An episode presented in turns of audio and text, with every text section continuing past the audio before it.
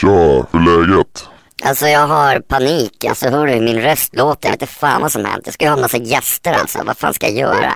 Ta det lugnt. Ta en, eh, testa ta en, en eh, Norrlands ljus. Alkoholfri ekologisk. Jävligt bra på alla plan. Gott och ja, testa bara. Kör. Okej. Ja, okej. Kör.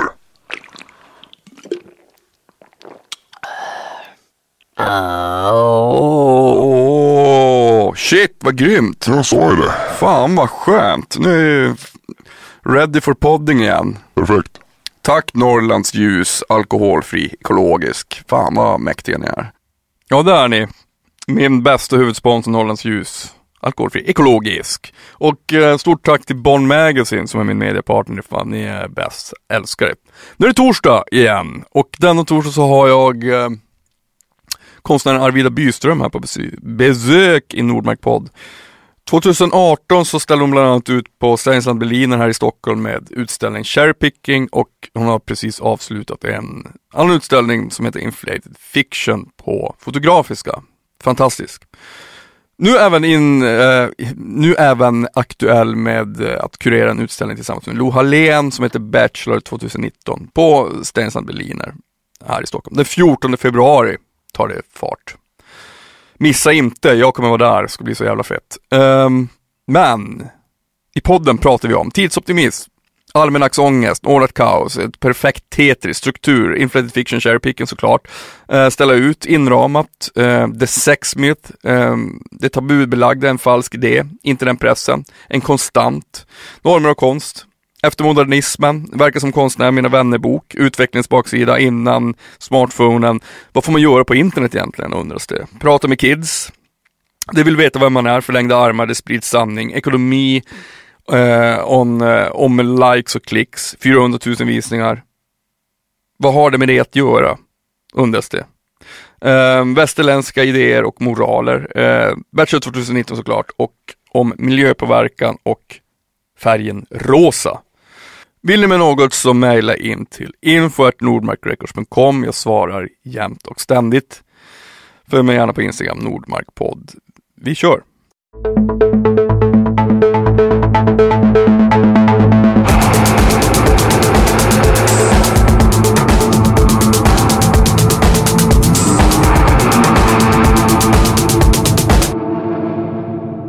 Arvida Byström.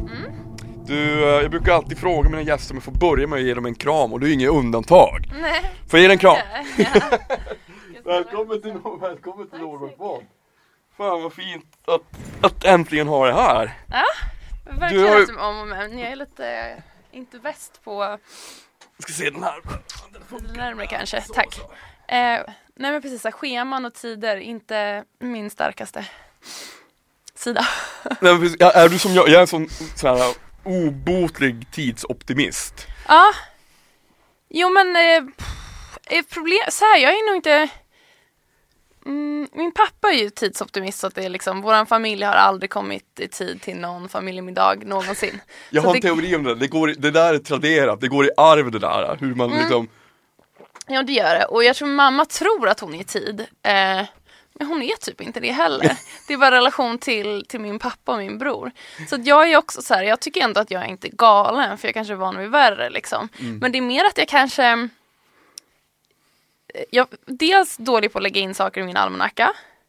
Eh, när jag lägger in dem så kan jag lägga dem en halvtimme fel och tänka så här, nej men det spelar ingen roll. Men det gör det ju, för sen när jag kollar två veckor senare, då står det 16.30. Alltså så här, och att jag kollar inte på almanackan tillräckligt ofta.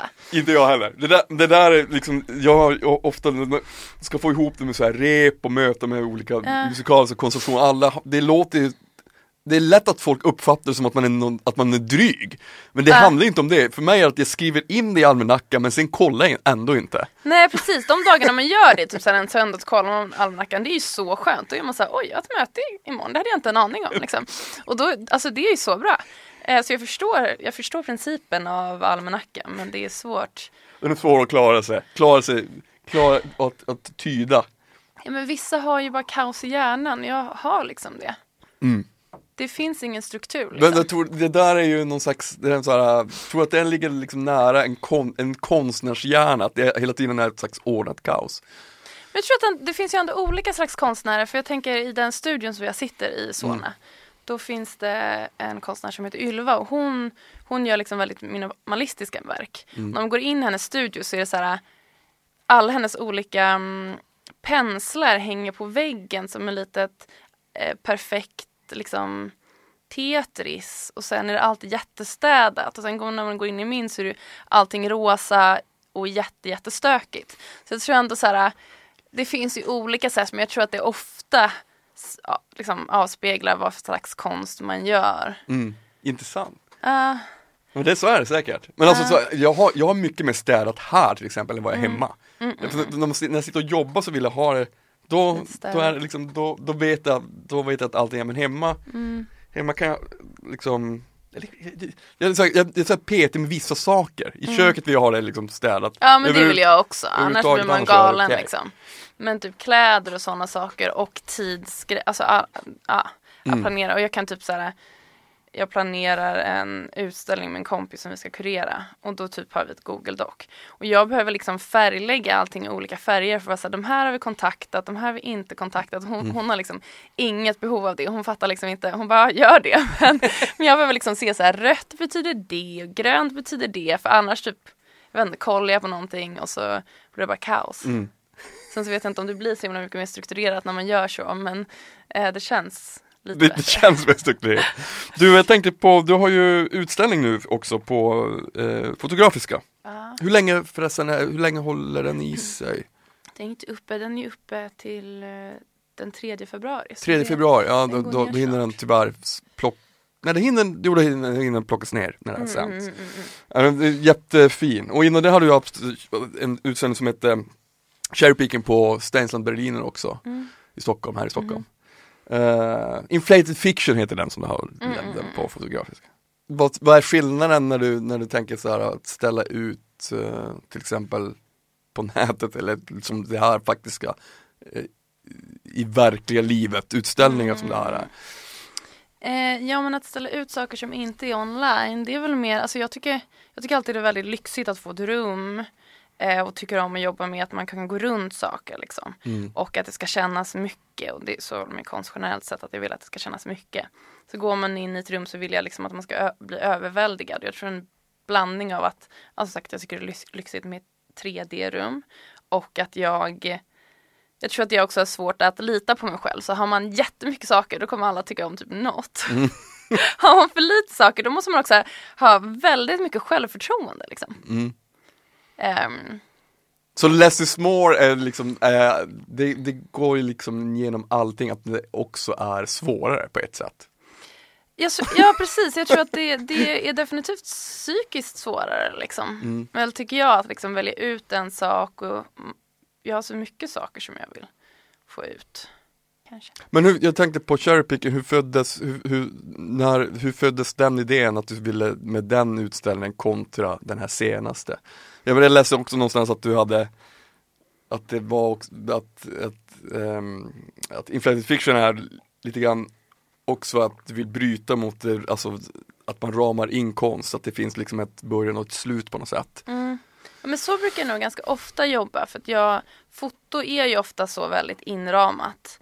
Eh, och jag kommer väl liksom från en bakgrund, alltså dels att jag är intresserad av internetkonst och eh, hela den communityn och har kompisar från liksom, det communityn och sen ehm, att jag kanske egentligen är mer intresserad av eh, konst som inte är fotokonst. Mm. Och då jobbar man ju ganska mycket utanför ramarna om man är inte lite mer old school. Liksom. Mm.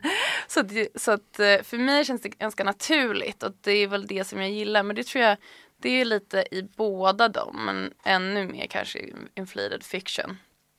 Eh, vår den första, vet inte, det blir ju också bara olika tankar och så börjar man så kanske man hittar en titel och så jobbar man kring den så att det blir lite mer åt ett håll och ett annat håll. Men jag tror att så just nu så jobbar jag ju med um, lite så samma grejer och det sakta förskjuts och det är väldigt svårt att göra liksom. Det är dyrt framförallt att göra saker som ser liksom Alltså båda de behandlar ju lite liknande saker. Mm. Fast inflated fiction kanske blir ett svar lite på cherry picking. Att så här, hur folk tolkar min konst. Och då Mm. kunde jag göra en ny utställning några månader senare som ser annorlunda och känns annorlunda. Och eh, ja, men som för mig blir ett litet svar på cherry picking. För till exempel så fick jag en review på cherry picking som som liksom pratade, den var väldigt snäll men den pratade väldigt mycket om mitt benhår. Och min, alltså min Mm. konst för mig handlar inte om mitt benhår. och Ja, då, såklart. då, då blir man lite besviken att folk inte googlar lite mer och kollar lite Mm. mer. Så då kanske jag försökte förhöja lite andra saker inflated fiction och, och diskutera de grejerna. Liksom. Varför, folk alltid, varför folk alltid tycker att jag jobbar med teman som sex när jag inte riktigt tycker att jag gör det. Mm. Men varför tror du att det det, det är liksom, det är väl en Någonting som grundar sig liksom så långt, långt, långt tillbaka, att det fortfarande, att sex, eller kroppen, verkar uppröra folk. Mm. Alltså du vet att det, att det finns en slags, alltså inte en tabu beläggning så, eller det gör det ju såklart, det gör det ju också. Ja. Men att det, att, att, att ingen, att, att det ligger så nära till människan att inte se bortom det. Jag vet, Förstår inte vad jag om menar? Folk, ja, jag blir- vet inte om folk blir upprörda av min konst och jag tror att det finns en idé dels bara om, om kroppen, speciellt den feminina och liksom queer-kroppen, att den läses som sexuell. Så fort Mm. den är någonstans eh, så läses den som sexuell. Lägger man liksom en manlig cis, speciellt vit mans Mm. kropp någonstans så, så är det inte så här, åh, sexuellt liksom. Ehm, mm, så att det tror jag är definitivt en del av det. Och sen liksom, jag tror att det finns, det finns en bok som, som jag tycker är väldigt bra som heter The Sex Myth. Eh, och den handlar just om så här, typ de två olika sidorna kring sexualitet idag. Dels så Mm. finns det ju den kristna, även liksom andra religiösa, eh, ehm, oftast är det Mm. folk som är religiösa som har kanske en mer restrikt, vad säger man, restricted Mm. syn på sex så att det är lite mer tabulagt och sen så finns det den andra sidan som jag känner att jag som eh, liksom alternativ kid i Stockholm växte upp med där, alltså jag tror att det beror på lite vad för gäng man hänger med i, i liksom eh, högstadiet och gymnasiet. Men för mig så var det, och de jag hängde med så fanns det inget liksom tabubelagt med att ligga utan det tabubelagda var att inte ligga. Mm. Ehm, även för tjejer, det fanns liksom ingen, det var ingen som blev slutshamead liksom. Ja. Det, det, så det är ju skönt liksom. Men det finns ju istället en press kring att så här, det finns liksom en falsk idé om att sex är alltid tabubelagt och därför är allt sex som man har, ehm, speciellt som kvinna, typ eh, pushande och viktigt och bra. Och så är det inte heller, utan det finns också en idé kring att ha sex hela tiden som är helt omöjligt att leva upp till som många män känner till. Liksom jag har, har träffat många män som liksom inte alls är speciellt intresserade av att ligga men har någon idé om att man måste ligga Mm. väldigt mycket. Ja för annars är det någonting som är fel. Precis, annars är det något som Ja. är fel. Och en klassisk grej som de tar upp i den boken är att ehm, ehm, många som är ihop, de tror att eh, eh, om man inte ligger två gånger i veckan, Mm. då borde man göra slut. Man bara va? Alltså så här, för mig för mig, att vara ihop med någon på riktigt och när jag känner att jag har hittat rätt, det är när jag är med någon som jag känner att jag inte behöver ligga med hela Ja. tiden. Alltså just den delen i början är ju ganska lätt, men sen så kommer livet emellan, någon kanske är deprimerad en period, alltså, det är så mycket som händer som gör att man inte vill ha sex och det finns ju väldigt mer, mycket mer i en nära relation som är liksom, ehm, ja men annan fysisk närhet som inte har den pressen kring att liksom, så, så fort man går in liksom eh, mer än att hångla eh, så blir det ju ofta ganska mycket press kring att så här, någon ska komma hit och någon ska komma dit och någon kommer inte. Alltså du vet, Men tror inte du att det är en sån här grej att, eh, att vänta jag ska bara gud det är också jag som håller på och Ja, snurrar men alltså, omkring. Men, att jag tycker det, det är så sjukt intressant det där, men jag tror att det är en Det är väl också en slags vi har någon slags inprogrammerad, jag vet inte vart ifrån den mekanismen kommer, att, det, att vi har, det är vi, vi tror att livet ska vara en konstant på något sätt. Alltså det är därför vi har så lätt att anamma vissa saker. Det ska vara så, det ska vara så. Och sen ska man ha de barnen och sen ska man ju uppfylla det. Och så här ska vara på det sättet och, så, och sen dör man. Ja det är ju Alltså, lättare, utan- jag tänker att människor tänker att det är lättare att ha ett schema ett ja eller nej. Man Mm. vill ju ofta säga när jag är stressad och behöver ta massor med val kring typ jobb. Då är jag alltid såhär, jag bara önskar att någon kunde säga till mig exakt vad jag ska göra. Mm. Alltså, så man, det är väl att man typ vill slippa tänka på grejer lite. Och då, då kanske man kan bli liksom, Ja, att man på något sätt liksom vill ha de här ramarna som, som man ändå på något Ja, sätt också precis. ibland vill bryta mot. Ja, nej men det tror jag. Så, alltså, och så är det ju, människor gillar ju normer. Mm. Sen så handlar det väl då om att eh, eh, hitta några normer som är lite liksom realistiska kanske. Men jag Eh, tänker, alltså, jag tänker med, med, med, med just normer och konst, Mm. eh, för det är ju det intressantaste som finns. Det är ju enligt mig lite grann konstens upp, uppgift också, att bryta mot normer. Mm. Alltså att den, alltså, och ibland så ham, hamnar man ju i de här konstiga Eh, alltså vilken konst det än är, om det är musik eller om det är liksom måleri, foto eller whatever.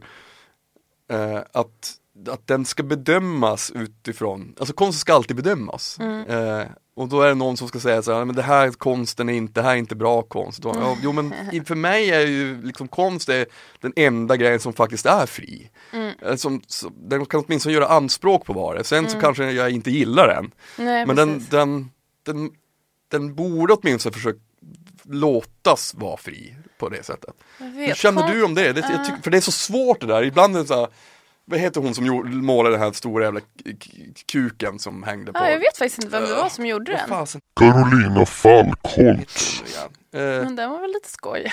jag ska kolla upp, ja men i varje fall, det Jag blev ju ett värsta ramaskriet. Ja, jag förstod Och tänkte att så det blev. Jag ja, hann det- knappt eh, förstå att det hände. Men, mm. Mm, ja, jag kan förstå att det, att det blev ett ramaskri. Jag kan Mm. också förstå att det inte är det. Alltså för att jag bara, ja, men hon, hon fick göra den och vem, vem har rätt att säga att det inte är konst? Eh, det är så svårt det där. Men så, det- sånt håller folk på med så mycket som tycker jag är så konstigt. Alltså konst, om man ska kolla så här konsthistoriskt så är det, det är ju liksom en typ hundra år gammalt eh, eh, som frågeställning. Man bara, efter modernismen har man ju kommit fram till att allt är konst. Man bara Mm. lägger av, det betyder inte att alla behöver tycka om det. Men sen innan det, innan det så är det så här, jag vet inte, jag kan vara så, det kanske är också en del av så här, eh, att jag alltid är så självkritisk. Men konst, det är ju någonting som kan ifrågasätta normer. Men historiskt sett, alltså i största delen av historien som ehm, ehm, som vi har liksom mer information runt omkring så ju konst mest funnits för att typ, alltså som propaganda och för att, för att få folk att följa normer till exempel och, och eh, etablera normer. Men det är väl därför bra, ett bra sätt liksom visuellt så kan man väl röra ganska många och därför ehm, pusha normer liksom. Så att det är ju skönt att det ser lite annorlunda ut idag. Men ja, därför är det väldigt viktigt att det finns eh, mycket olika konst. Ja, Alltså, liksom, verkligen. för det kan ju verkligen sätta Nej men jag tänker att konsten, konst, att det finns ett syfte ibland, det är så svårt att man pratar om det ibland, men det, ty- det som jag tycker är intressant är att den försöker ibland flytta gränser.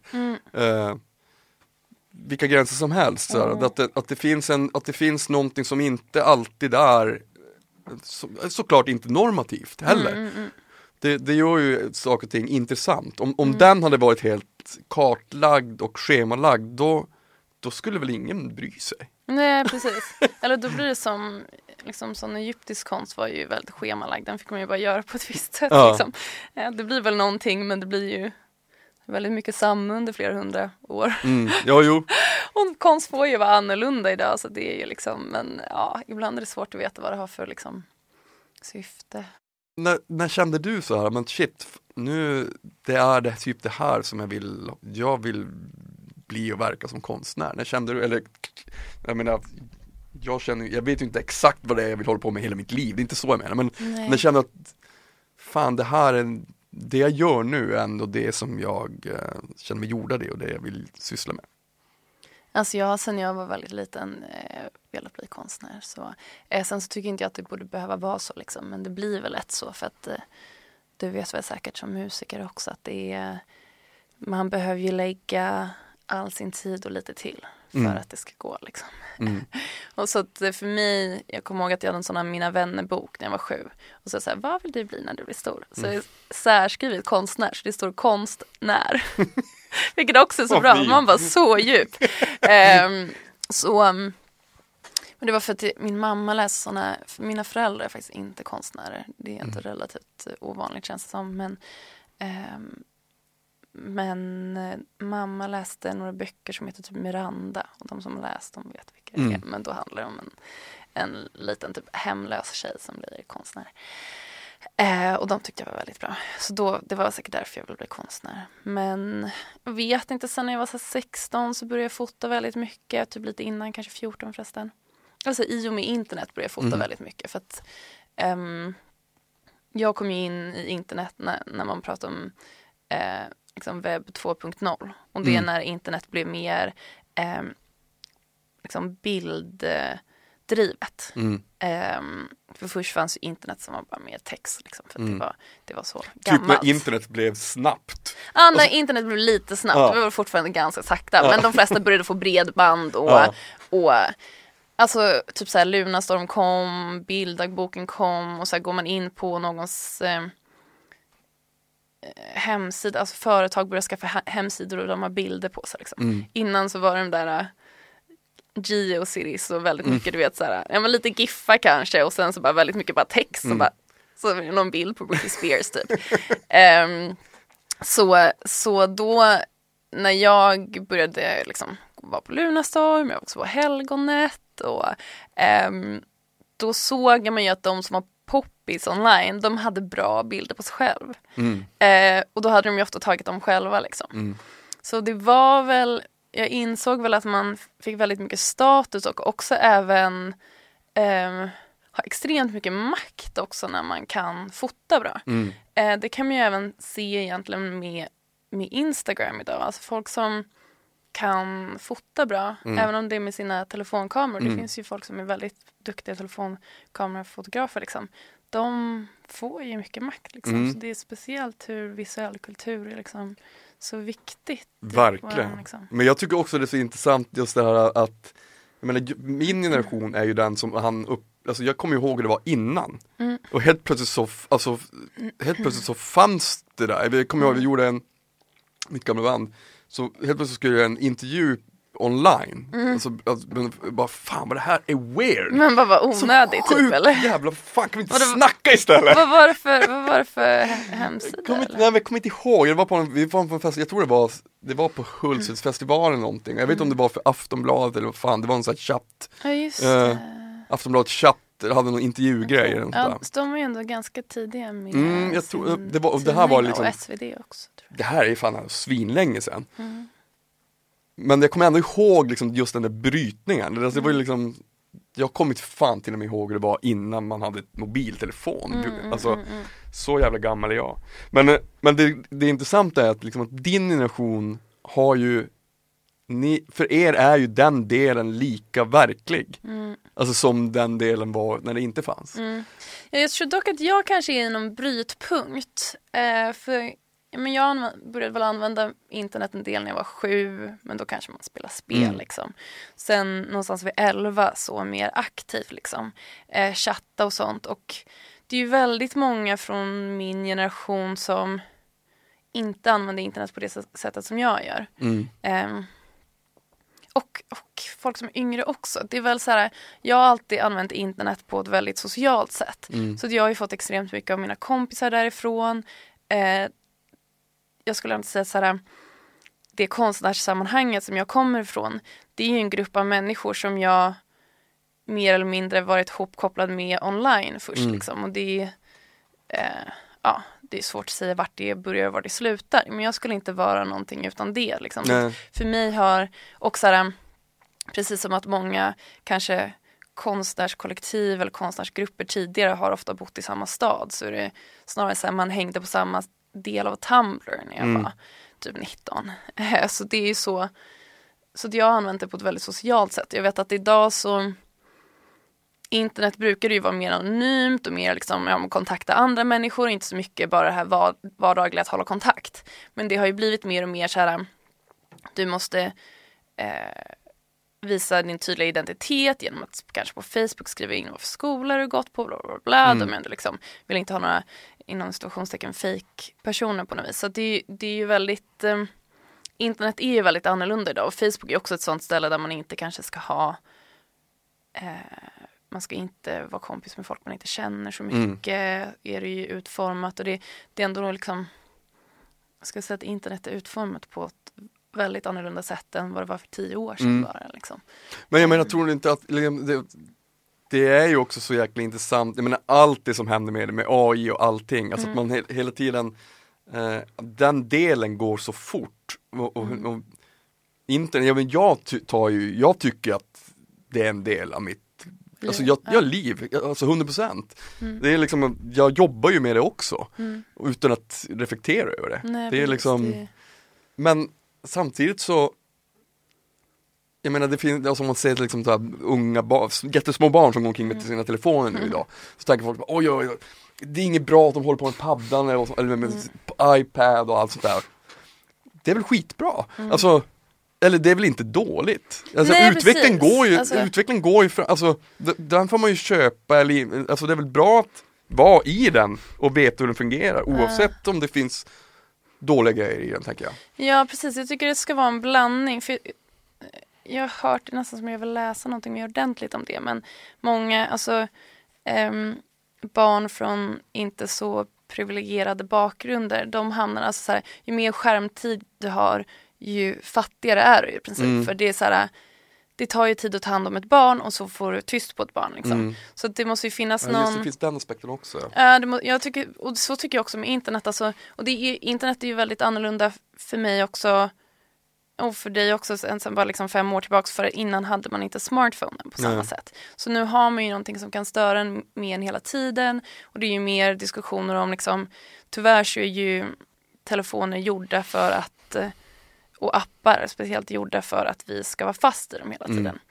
Och då kan man vara så här, borde det inte gå in någon statlig kontroll som egentligen ser till så här, vad får man göra på internet, vilka, hur mycket får företag, så att, till exempel Instagram, det är ju som, det kan vara som ett privat rum, det kan vara som ett galleri, det kan vara som ett öppet torg beroende på vart du är på Instagram. Hur mycket kan ett sånt företag få bestämma över våra liv? För det gör det faktiskt Ja. genom att promota olika saker och nu mer och mer, eh, vilket skadar många konstnärer inklusive mig, att eh, det är om du har ett stort Instagramkonto så är det extremt mycket svårare att få eh, likes och liknande saker och engagements för att de vill helst att du ska betala för promotion. Och det blir ju också, alltså då, då blir ju de som gatekeepers. Så sånt är ju väldigt problematiskt. Men sen så tycker jag också så här, ehm, jag tycker inte heller man ska vara rädd för att säga, ja men barn kommer börja använda telefoner och sånt. Eh, då kanske man mer ska lä- lära hur man kan använda det på ett vettigt sätt, inte använda för mycket. Och precis som så här, med droger, det är så lätt att det blir en sån här eh, ja, men att vuxna är såhär, du dör om du tar droger. Och sen så gör inte liksom, ungdomar det och så tar de det och så pratar de inte om det med någon. Alltså du vet, det är det är alltid bättre att man pratar med kids, alltså om sex, om allt sånt där som kan Verkligen. vara skadligt. Att så här, det kan vara bra men det kan vara dåligt. Och det är bättre att man lär sig att vara på internet på um, ett bra sätt och se till att eh, Alltså typ jag fick ju mycket kompisar via eh, internet och det sa ju inte jag till mina föräldrar för de trodde att man skulle dö om man använde internet. Eller liksom om man, alltså du vet för att det var så nytt med sådana sociala Ja. hemsidor och då är det ju väldigt mycket bättre om man är så här: okej du ska träffa din nya kompis via internet. Och jag har aldrig varit med om några psykon liksom för jag tror att också jag, jag och mina kompisar var ganska vettiga. Vi brukade ofta Okej, någon gång kanske jag var 14 och liksom hängde med en 30-åring. Det kanske, det kanske var mindre bra. Men det är många tonåringar tyvärr. men typ generellt sett så brukade vi det var flera eh, när vi skulle träffa någon. Man träffades på liksom publika ställen. Så, att det, alltså så, här, så det är bättre att lära sig typ vett och etikett med sånt. Och säga att din 12-åring har fått en jättebra kompis via internet. Då kan man vara så här, okej du kan träffa den på det här kaféet. Jag är på ett café precis bredvid. Alltså du vet, det finns sätt att göra på eh, Ja, ett alltså- säkert sätt istället för att säga du får inte. Nej. Alltså locket på har väl aldrig funkat tänker jag. Nej, det gör ju precis. inte det. Nej, det gör ju inte det. Men det är jävligt intressant det där du sa just det där med om, om man skulle inrätta, om det skulle inrättas någon slags lag. För jag, Mm. jag, jag pratar skitmycket med folk om det, just det här med Alltså med, och, så, och som du också har råkat ut för det här, det här liksom, att det, att det sprids även en jävla massa skit och hat på nätet. Mm. vad, vad Tänk om folk var tvungna att ta ansvar för det de skriver på, när på ett sätt. Alltså, till exempel, man var tvungen att logga in med sitt jävla bank-id för att lägga en kommentar. Eller någonting. Alltså att det fanns någonting som faktiskt gjorde att folk också tänkte efter. Vänta nu. Jag har ändå besvärat mig för att sprida den här, det här hatet. Vad håller jag på med? Ja, Alltså, det, fan jag vet det är så här både och. För att ibland så kan jag sakna ett internet liksom innan att, eh, för nu är det ju ganska mycket så att Google vill till exempel veta vem man är. Mm. Facebook vill veta vem man är. Eh, så jag kan vara lite så här dubbel och jag per- personligen tycker liksom inte, men jag har inte, jag tycker inte jag varit med om så himla mycket hat. Men eh, samtidigt så har jag varit med om en kampanj som en Adidas-kampanj, jag hade liksom håriga ben där jag fick väldigt mycket inom situationstecken hat. Men för mig är det liksom, det är klart när jag var 16 och hade blogg så var sånt jobbigare liksom. Mm. Nu är det så här, det är typ en icke-grej. Alltså folk beter sig så online, det betyder ingenting. Alltså, Nej. så att för Men det mig är ju mer- starkt ändå att känna så. Jag, alltså jag känner ju själv, de, de få som skriver så säger Fan, jag, jag, eller någonting negativt, då blir jag typ ledsen. Så vek är jag. Jo, men ibland så blir man irriterad. Men Men för fan, mig, varför måste du vara elak? jo jag Vad vet. fan och har det, gjort dig liksom? men man kan ju också behöva vara såhär LOL. Ja, jag vet. Eh, Jo, så det är, skitsamma. Men- Ja, det finns alltid folk som inte kommer tycka om en. Ibland, Ja, så, så är det ibland så är det ju irriterande. Men jag vet inte om jag tycker att det är så mycket mer än så. Liksom. Så att för mig handlar alltså det som jag tycker är mest intressant eller kanske viktigast är mer hur företag är gatekeepers till vilka som, alltså de kan ju bli gatekeepers till vilka som lyckas som konstnärer, som musiker i och med vem som får mest exposure på till, ex- till exempel Instagram. Och det är ju jätteproblematiskt, eller då är vi tillbaks där igen, eh, det som man trodde att internet inte skulle göra, alltså att såhär, eh, ja, men skivbolag bestämmer vilka som blir kända och bla bla bla. bla, bla. Är det samma det sak, det bara förlängda armar åt olika håll? Precis, så nu, nu är det företag som sitter där igen och bestämmer. Mm. Ehm, och det är ju bara väldigt sorgligt liksom. Men varför blir det så? Det är för att det är pengar som styr som vanligt. Ja, det, peng- alltså, liksom- Pengar styr och man behöver någon som, alltså fanns det mer, eh, ja, men, mer regler kring hur företag får utnyttja folk online? Mm.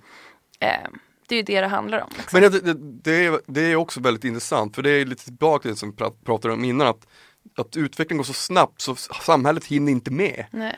Men det är ungefär som när faktiskt när eh, liksom, tidningen kom och pressen kom. Mm. Då hade de jättemycket problem med liksom, så här, hur ska vi se till att eh, det sprids sanning och till slut i Sverige så måste man ha, heter det pre- pressombudsman? Mm. Alltså, så, så det är ju liksom jag tror att det bara är som det, det är nästan alltid så när det kommer nya sätt att uttrycka sig att, att det liksom eh, man måste komma in och sätta lite regler. Mm. För att annars kommer människor bara göra galna grejer liksom. Att Men måste... är inte det där, tror inte du att det där är något som vi också föreställer oss?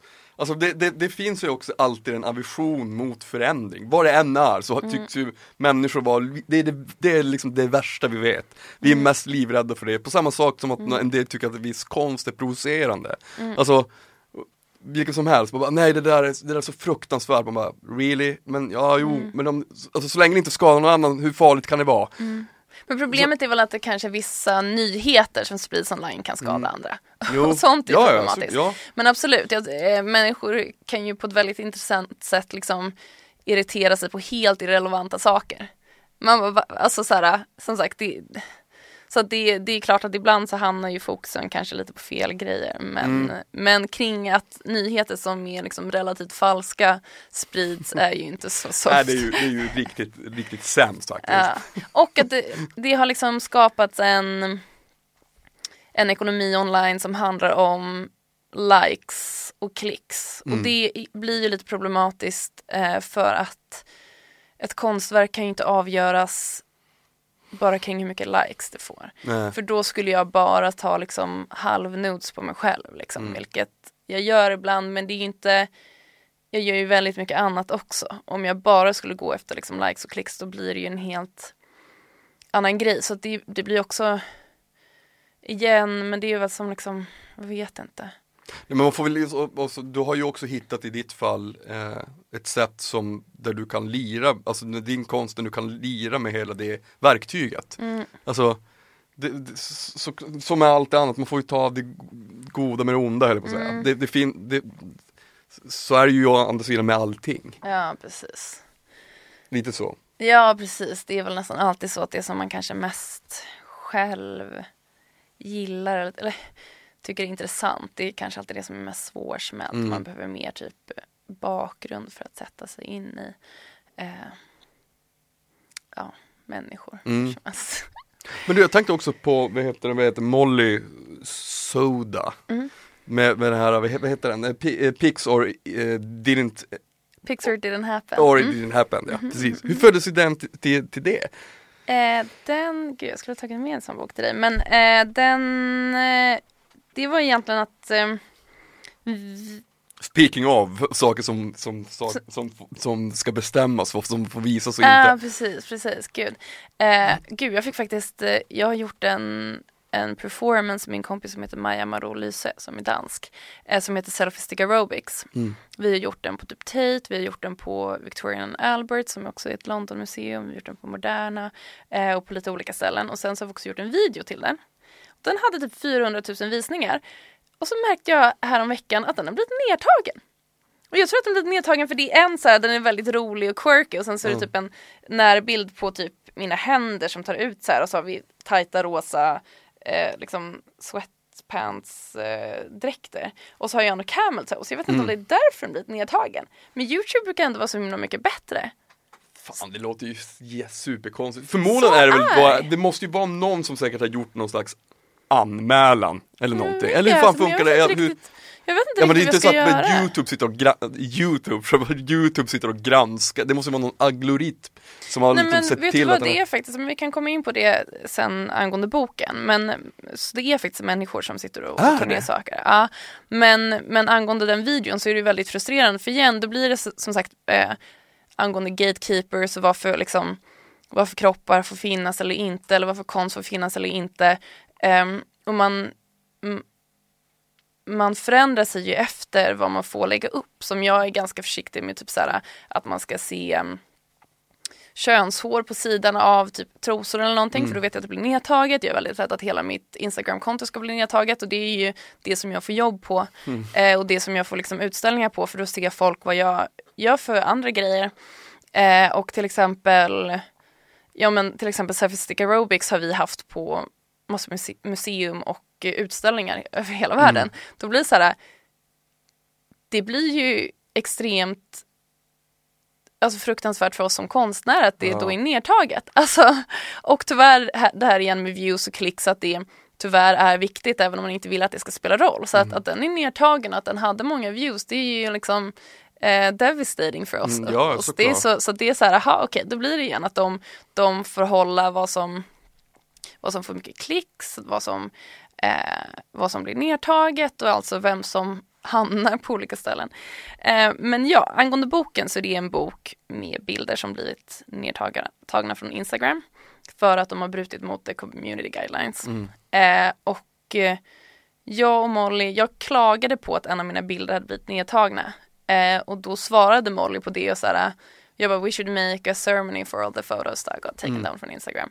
Eh, och så skrev Molly we should make a book. Och vi bara we should make a book.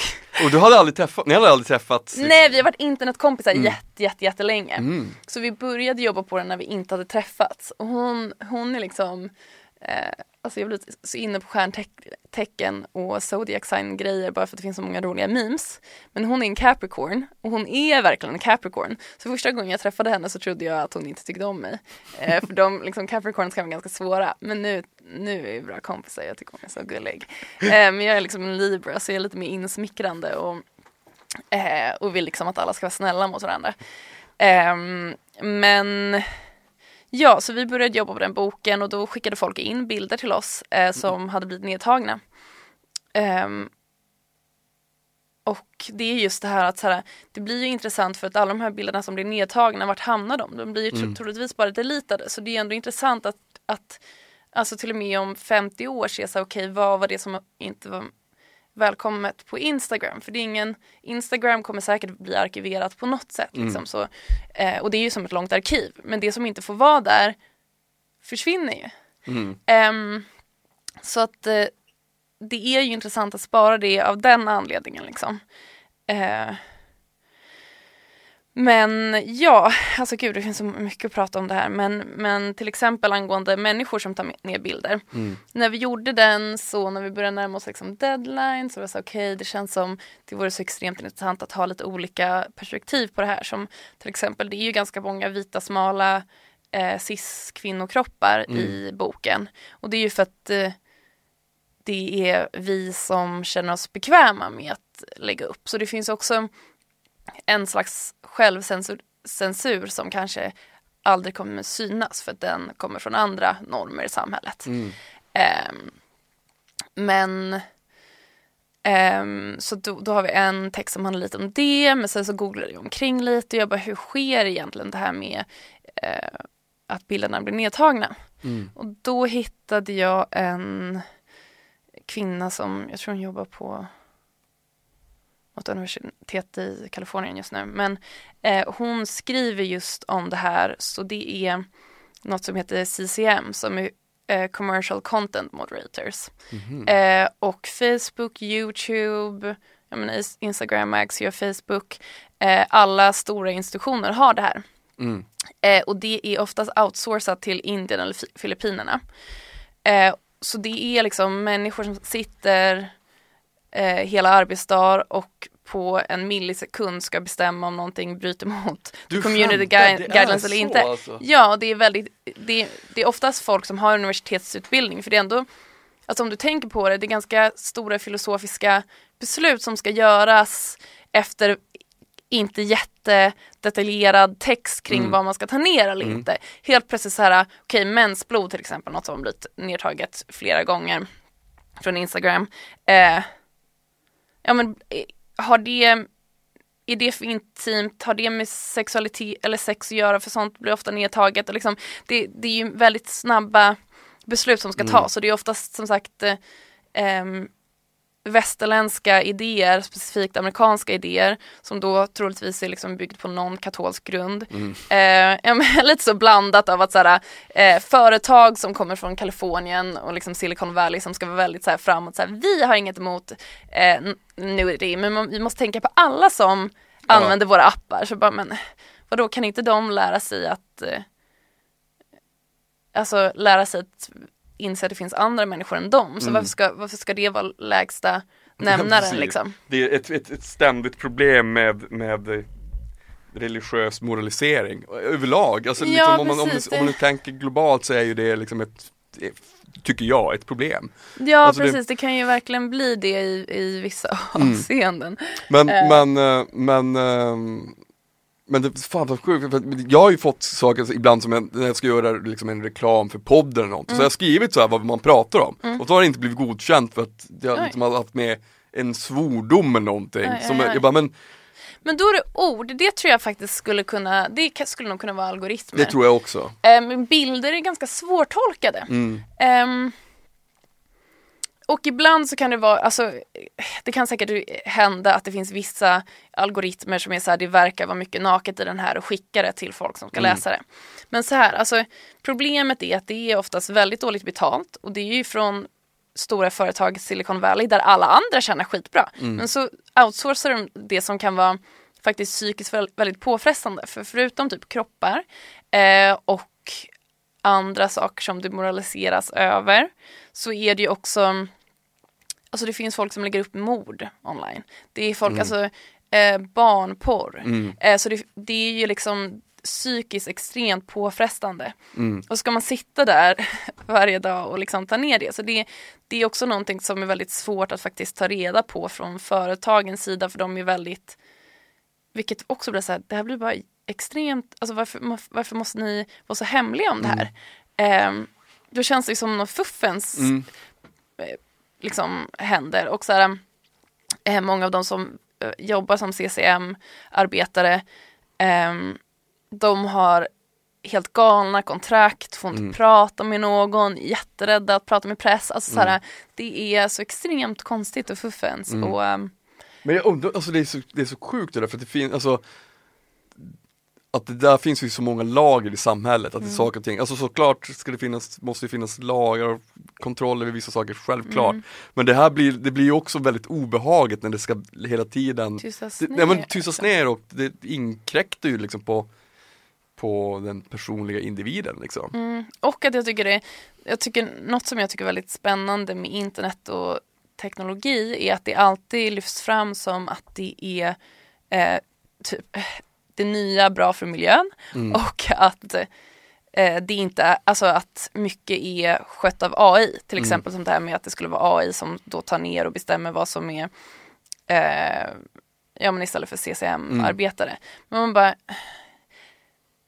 AI är inte så smart än. Den kan inte ta all, allt det här beslutet. Och det är bara så, det finns liksom en lögn av techföretagen som är väldigt intressant. Så här, varför tycker de att det är så viktigt att låtsas som att det är AI som tar ner de här bilderna? Ja, troligtvis för att de betalar sina arbetare skit. Det är liksom. slavarbete liksom. Ja precis och samma så här, faktiskt med många, många techföretag när man chattar med ehm, chattar med sånt som ska vara så AI, ofta så är det inte AI. Alltså ofta är det människor som sitter och chattar med en.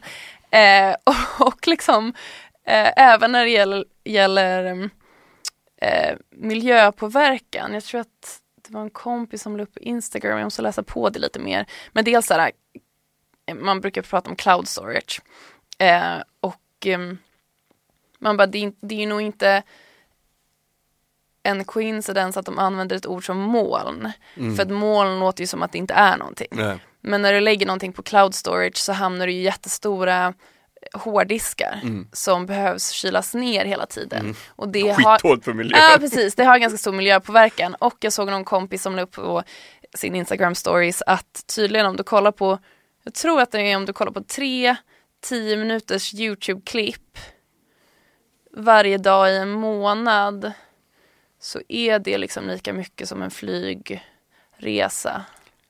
Ja, Så, men man, så man bara, alltså, Precis, målet som jag också sparar vissa saker i. Alltså, Ja, men precis, det gör man ju, Folk bara, men- ja men det är ju liksom bara, det är, det är ju bara någonstans. Jo men det är ju någonstans. ja precis, det är ju fysiskt. det är ju inte i luften. det är så intressant för, för folk pratar om teknologi som att det är bara Mm. någon fluff. Man bara nej, det är liksom, det enda det är du ser ju att du har en hård skärm. Liksom. Mm. Så här, ja, det som händer på skärmen kan röra på sig eh, som rörlig bild och eh, ha liksom eh, du vet man har en, en in real time feedback Mm. så att saker ändras. Det är inte som att kolla på TV där det är liksom, här är en bild och Mm. det är den du kollar på. Sen så kanske du kan byta till en annan kanal men det Mm. är liksom eh, har en annan linje som, som den följer liksom.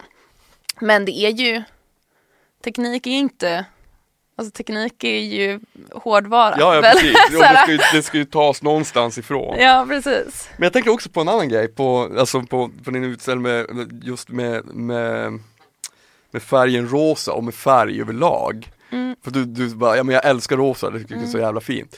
Det är ju, tror du att, vilken betydelse tror du färg har för det? För jag menar alltså var, varför är det så att rosa helt plötsligt, jag tycker också rosa är skitsnyggt. Mm. Men var, varför har det blivit så att rosa just anses vara så här tjejigt? Liksom in, enligt norm. Ja, men det finns faktiskt eh, bevisat, eller så här, historiskt sett så brukade tydligen rosa vara en killfärg eh, upp till 20-talet för då eh, ansågs det som en, en svagare färg av röd och röd var väl liksom kungligt och, Mm, och en mhm. manlig färg. Och blå såg som att det var, speciellt ljusblå, som att det var en väldigt mjuk färg som passade spädbarnsflickor liksom.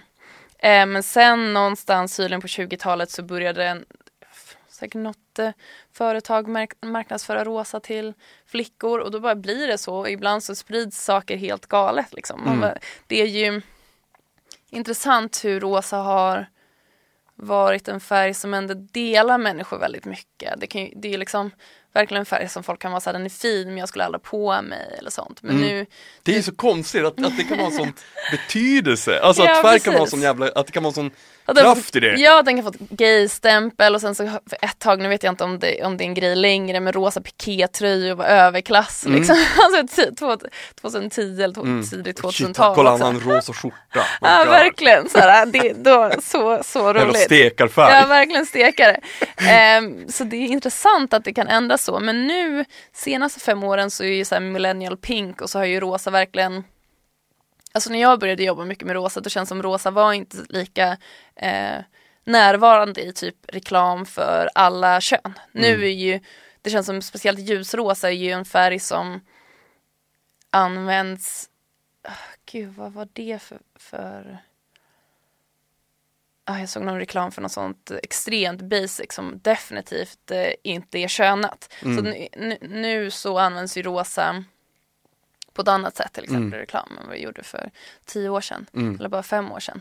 Så det är ju intressant hur, hur sånt kan liksom trenda olika och, och få olika konnotation. Men så är det ju lite med bild att det kan ehm, så det kan bli co-optat och liksom inköpt och omändrat. Men det är, och så, liksom, det är så intressant att det där är någonting, för det, det hade inte jag tänkt på. Ja, Själv, Okej, självklart är det ett jävla, är det något företag som har präntat in det här från början? Alltså hur, hur, man ska, alltid. hur, hur vi ska undermedvetet uppfatta vissa saker. äh, Men, men ehm, jag tänker också på, på, på din konst och din, din, din kreativa skapande och hur, hur, du, och hur du verkar när du, när du skapar din konst. Hur, hur funkar det för dig när du är i en kreativ process? Vad är det som, ja men till exempel nu med den senaste föreställningen, när känner du att du tar off från det senaste du gjorde och hittar inspiration till vet. Gud, jag tror en blandning av andra. eh, en blandning av typ tidspress som gör att fan nu måste jag komma på något. Ja men det var som du sa innan, att det, alltså, att det, alltså, det här med att vara konstnär eller musiker, alltså, att det, är också, det krävs så jävla hårt jobb. Det är det som är grejen. Mm. Bakom allt liksom. Du, Eller man måste jobba. allt fan. Ja precis. Det är ju så speciellt i vårat samhälle och speciellt om man vill göra något nytt. Sen så vet inte jag alltid, jag tror nästan så här att vara konstnär, att vara musiker är nästan liksom lika med att vara en flikig skitstövel liksom. För att du, det är jättesvårt att eh, så vet inte jag om det är moraliskt rätt liksom, men så ser det ut lite i vårt samhälle idag. Att, att ska du kunna vara det så är det väldigt mycket pussel kring att ehm, jobba med saker som du får betalt för, jobba, jobba med det som liksom ligger ditt hjärta till och då kan det till och med vara att du spenderar alla dina pengar liksom, på det. Eh, så det är ju extremt mycket jobb att, vara, att eh, vara i sådana liksom, att jobba med sånt. Men ja, jag vet inte, min kreativ process kan nog se ganska olika ut. Jag brukar försöka blanda, liksom, jag gillar saker som baseras i någon teori som jag är intresserad av. Eh, men det måste också blandas upp med någonting som, som är lite mer eh, spontant. Mm. Ehm, så de brukar liksom få gå ihop. För gör jag bara en av dem, gör jag saker som bara är spontant och typ eh, som jag har någon feeling på, typ estetiskt sett. Då brukar jag till slut bara känna att eh, ingen lust för att göra det. Men tror du att det där lite det spontana, det där letandet, alltså jag menar det om, om, man, om, om man är om konstnär eller vilken sorts konst det än är, att, man är, att man är i konsten, att man är, det, på något, det, det, den blir ju en, en själv. Du, det är ju du som, du är Arvida, du gör ju din konst. Att, eh, att det här liksom spontana, det här sökandet och letandet, det är liksom nu låter jag jävligt flummigt, men till exempel som att man att man letar vart man ska bo, du vet. Alltså att eh, du har ett öppet spjäll för någonting. Du, du har ju bott i Los Angeles till exempel. Eh, och sen så får man nog av det och så flyttar man hem. Eller tva- I, I don't know. Du vet att, att det hela tiden finns en strävan efter ett sökande. Att den, den dörren måste alltid stå öppen. Annars så slutar det där kreativa flödet. Jag kanske är helt fel, det kanske inte är så. Nej men, jag tror tro- att det kan vara så. Att det ändå, man behöver någonting som är lite mer lekfullt och letande och sen så har jag tror vissa fungerar nog bara på det si- sidan. Precis som att vissa också, jag gillar också det som är lite mer planerande och jag, jag brukar ofta planera mina bilder, sen inte exakt liksom. Vissa kan nog planera väldigt my- mycket mer exakt än vad jag gör. Men så det är verkligen en blandning av det att, att planera och, och det spontana. Eh, och för mig behöver jag båda sidorna. För säger jag bara det planerande, bara det som är väldigt teoretiskt, då blir jag så självkritisk så att jag får inte något gjort heller. Liksom. Ja. För det är så inramat på något vis. Så att eh, för mig behövs verkligen båda sidorna annars så. Men visst är det den, det, det tycker jag själv, det är ju den fetaste känslan när, när vissa så här art by accident grejer inträffar Fast, alltså, fast du, är, du är i den. Mm. Så att den här inträffar ju för att du är i den, i det modet. Så. Mm. Men när, när de två sammanfaller, som, som, lite- som, du, som du säger, det är ju världens fetaste grej. Ja, då då det känns bäst, det som att allting faller på plats. Ja, det är just därför jag gör det här. Mm, Det, det är så jävla grymt. Jag önskar att alla fick känna det. Det kanske Mm. alla gör på olika sätt. Om det, även om det inte är konst. Men det är så jävla coolt. Ja precis, det är soft när man Nej, men det själv bara, fan det här är helt sjukt, hur bra blev det här? Jag det vet, att man, jag man inte själv fattar riktigt varför det blev så bra. Nej. Nej precis, det, det problemet med det när man känner så Man söker det hela tiden. ja, är att nästa tanke blir så här. Fan det här kommer aldrig hända igen. Alltså du vet, så blir man ju, så det är liksom också en sån konstant stress. Man bara okej, och, och när är nästa, när är nästa gång det här måste hända igen typ. Jag vet inte, man blir ju alltid, då i uppstart för varje nytt projekt så blir man ju alltid så nervös att det bara, det här kommer aldrig bli lika bra som, Nej. eller jag vet inte. Men jag vet men det sjuka, det blir ju lika bra. Alltså, det, man, Ja, alltså om, man, om man jobbar hårt så, upp, så kommer det där till slut ändå. Ja, det är lite grann som att stå och typ det. fiska, det, här, det finns ingen fisk här. Nej precis, ja men jo fan det gör det, för till slut så hittar jag den där enda jäveln i sjön. Typ. Precis, man kan inte pressa det för mycket. Nej. Det får bara, Ja, Om man, om man vet att lusten finns där, då, då, kom, Mm. då kommer det lösa sig tror jag.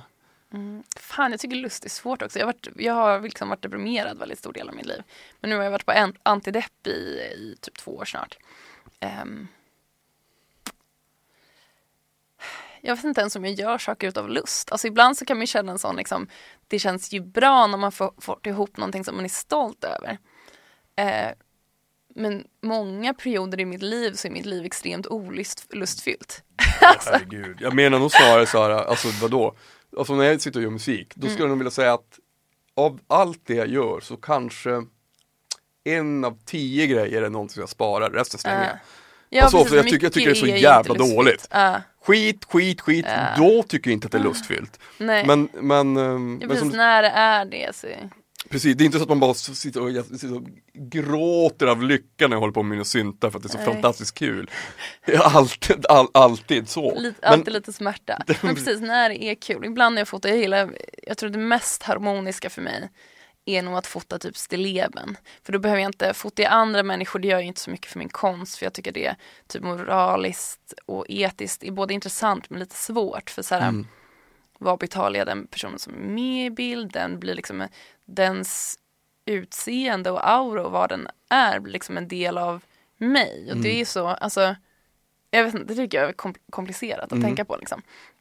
Eh, och hur man placerar det och hur man då lägger det i en, i en liksom, konstmiljö. Annars liksom på kommersiella plåtningar och sånt, då brukar det vara lite annorlunda och, och lite mer limiterat på ett annat sätt eller att folk får betalt och sådär. Mm. Eh, men, gud vad var det vi började prata Jo, men när jag fotar stilleben då är det så eh, bortkopplat från mycket saker och jag behöver inte tänka så mycket på hur den framför kameran mår och sådana Mm. saker. Eh, så då, det kan vara väldigt, det är typ det roligaste och för det är kul att fota för man det är ändå kul att göra precis som att musik blir på något sätt ofta eh, i alla fall när man liksom spelar musiken snarare än när man sitter då framför datorn och kanske ska producera eh, eller sätta ihop saker liksom, mm, så blir det ju lite fysiskt liksom. Mm. Och det gör ju att man kan glömma bort saker lite när man så det kan vara lite skönt. Ja, men precis, ja, men det är ju det. Det är man bara, ah, fan skit, vad skönt. Ja, det är precis, som man vill inte tänka så lobotomering nästan. Man kan, ja, man kan göra samma sak typ ganska länge. mm. Så ja. fota samma bild från olika millimeter, alltså du vet alla ser typ likadana ut men det känns, alltså, det känns väldigt bra, man bara, kanske lite bättre härifrån, lite bättre härifrån. Och det är, det är väldigt, väldigt skönt när, när det är liksom så, det enda man tänker typ någon millimeter hit och dit eller att man bara, jag vet inte. Min tjej sa det till mig, hon, bara, hon, var här en gång när jag satt och höll på och programmera trummaskinen. Mm. Jag bara, så helt frenetiskt satt så här bara. Hon bara, nu, it makes sense. Nu fattar jag, var, jag fattar varför din hjärna gillar det här. Det där är min värsta mardröm. Det är min värsta mardröm, men för mig är det det Ja men precis, Det det är liksom- är jätteskönt. Ja, det, det, det är liksom, fan var och en till sitt, tänker jag. Det är Mm. väl tur att inte, att inte alla gi- gillar att göra exakt samma Nej, saker. precis. Men du, vad, vad händer härnäst då? Vad är nästa projekt för Arvida? Ah, jag vet inte. Eh, jo men dels så kurerar ju en utställning med Lo Hallén på Steinsline Berliner. Den öppnar den 14. Mm. Eh, den kommer att tema Bachelor. Eh, så det, det är typ eh, Den ska ni gå på ni som lyssnar Ja på det här. precis, det borde ni faktiskt. Den handlar om liksom eh, lite dålig kärlek typ. Ehm, och eh, vet inte, annars är det en del liksom museumgrejer över hela året. Eh, så det är jag lite nervöst över för museum har aldrig pengar. Så det är så här, jag måste bara se till att jag tjänar lite pengar på andra sätt. Ja men det gör jättegärna- det, kommer lö- det löser sig. Att det, du, du, vi, vi får det att, funka. Ja jag vet, Trots konstigt allt. nog så får man det. Det kommer, det, kommer, det kommer bli hur bra som helst. Ja, och sen faktiskt en till sak som jag, så fingers crossed, att jag eh, får det stipendiet jag sökt för jag ska gå en sån marmorhuggarkurs i Allvarligt? Italien. Shit Om jag, får, om jag får det stipendiet. Fan vad fett! Vart, vart i Italien då? I Florens. Jaha, Så roligt. fan vad kul alltså. Ja, Ja, men det, det, vi håller tummarna. ja. Jag, jag, och jag, jag håller tummarna extra. Du Arvida Byström, stort tack för att du ville vara med i Nordmark podd. Tack så Ska du mycket. få en till kropp? Ja, tack. Fan vad mäktigt. Så roligt. Cool. Stort tack till dig Arvida Byström. Asmäktig är du. Ja. Vi hörs och syns nästa vecka. Vi hörs. Hej då!